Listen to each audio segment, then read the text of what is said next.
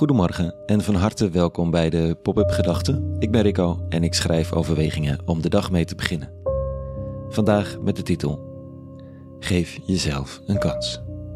Pop-up Gedachten maandag 10 oktober 2022.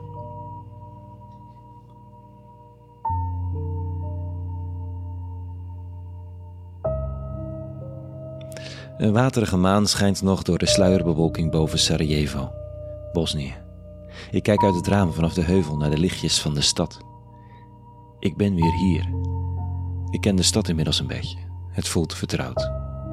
Deze smeltkroes van religies waar Oosters, Orthodox, Katholiek, Joods en Islamitisch gezusterlijk deel uitmaken van het publieke domein. Waar de kerkklokken vrolijk bijeren en daarna of daarvoor uit alle windstreken het Allahu Akbar gezongen wordt. En de rest van de islamitische oproep tot gebed een gezamenlijkheid en een maximale politieke spanning. Want het land is nagenoeg onbestuurbaar en de politieke problemen zijn ten hemel schrijend. Het is samen met Servië een van de belangrijkste voorlanden van de Europese Unie voor vluchtelingen. Van vier wagen velen de sprong naar het fort dat asielrechten biedt, zeggen ze, en waar ze hopen een toekomst op te kunnen bouwen, geld naar een familie te kunnen sturen of hun kinderen een leven met perspectief te geven. We dwalen door de oude stad. Het Ottomaanse Rijk is nog op een prachtige manier voelbaar in de architectuur, de koffie, de sfeer. Dan tikt een jonge man, Anna, met wie ik rondloop, op de schouder en zegt: Sister, can you help? Hij is 23, komt uit Syrië, Homs, en vraagt om geld, want hij heeft niets meer.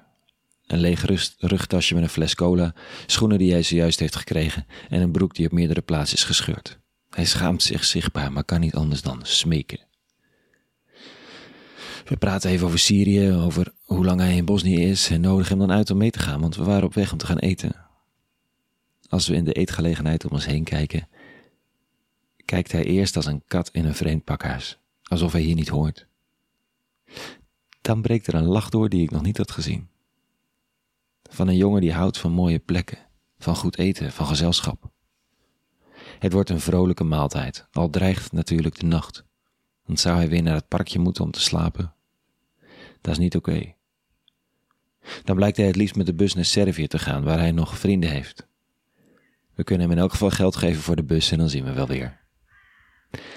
Het schiet me te binnen dat vader Frans van der Lucht in Holmes woonde, waar deze jonge Ali vandaan komt. En een enorme bekendheid had. Ik zoek zijn foto op en toon hem aan Ali. Zijn ogen worden groot. Hij valt stil en zegt dan: Ik ken die man. Ik heb hem gezien, meerdere keren, in onze stad. Ontroering bij hem en met mij, ik weet niet goed waarom, maar het legt een verbinding.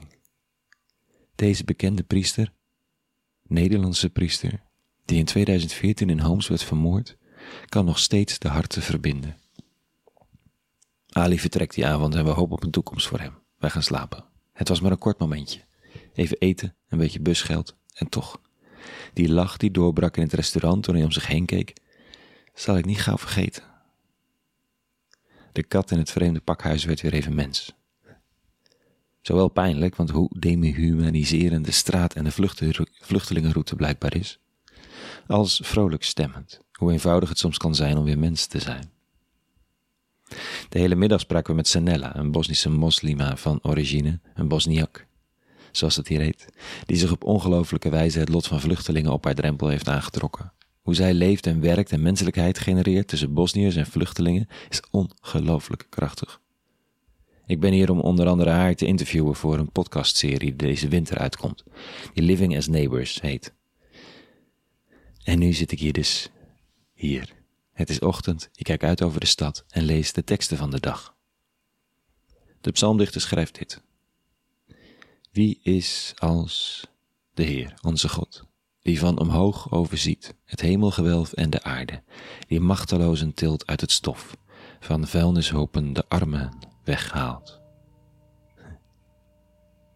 Dan denk ik aan de afsluitende woorden van Sanella. Ik vraag haar wat ze mee zou willen geven aan mensen die zich absoluut niet in staat voelen om een Sanella te zijn. Om zich het lot aan te trekken. Maar die op, op deze manier maar misschien wel iets zouden willen betekenen. Ze zegt eerst, give them a chance. de vluchtelingen. Ze hebben niet meer dan een kans nodig.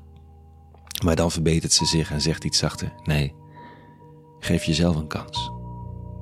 Geef jezelf een kans. Give yourself a chance. Steek een hand uit. Doe iets kleins. Raak betrokken.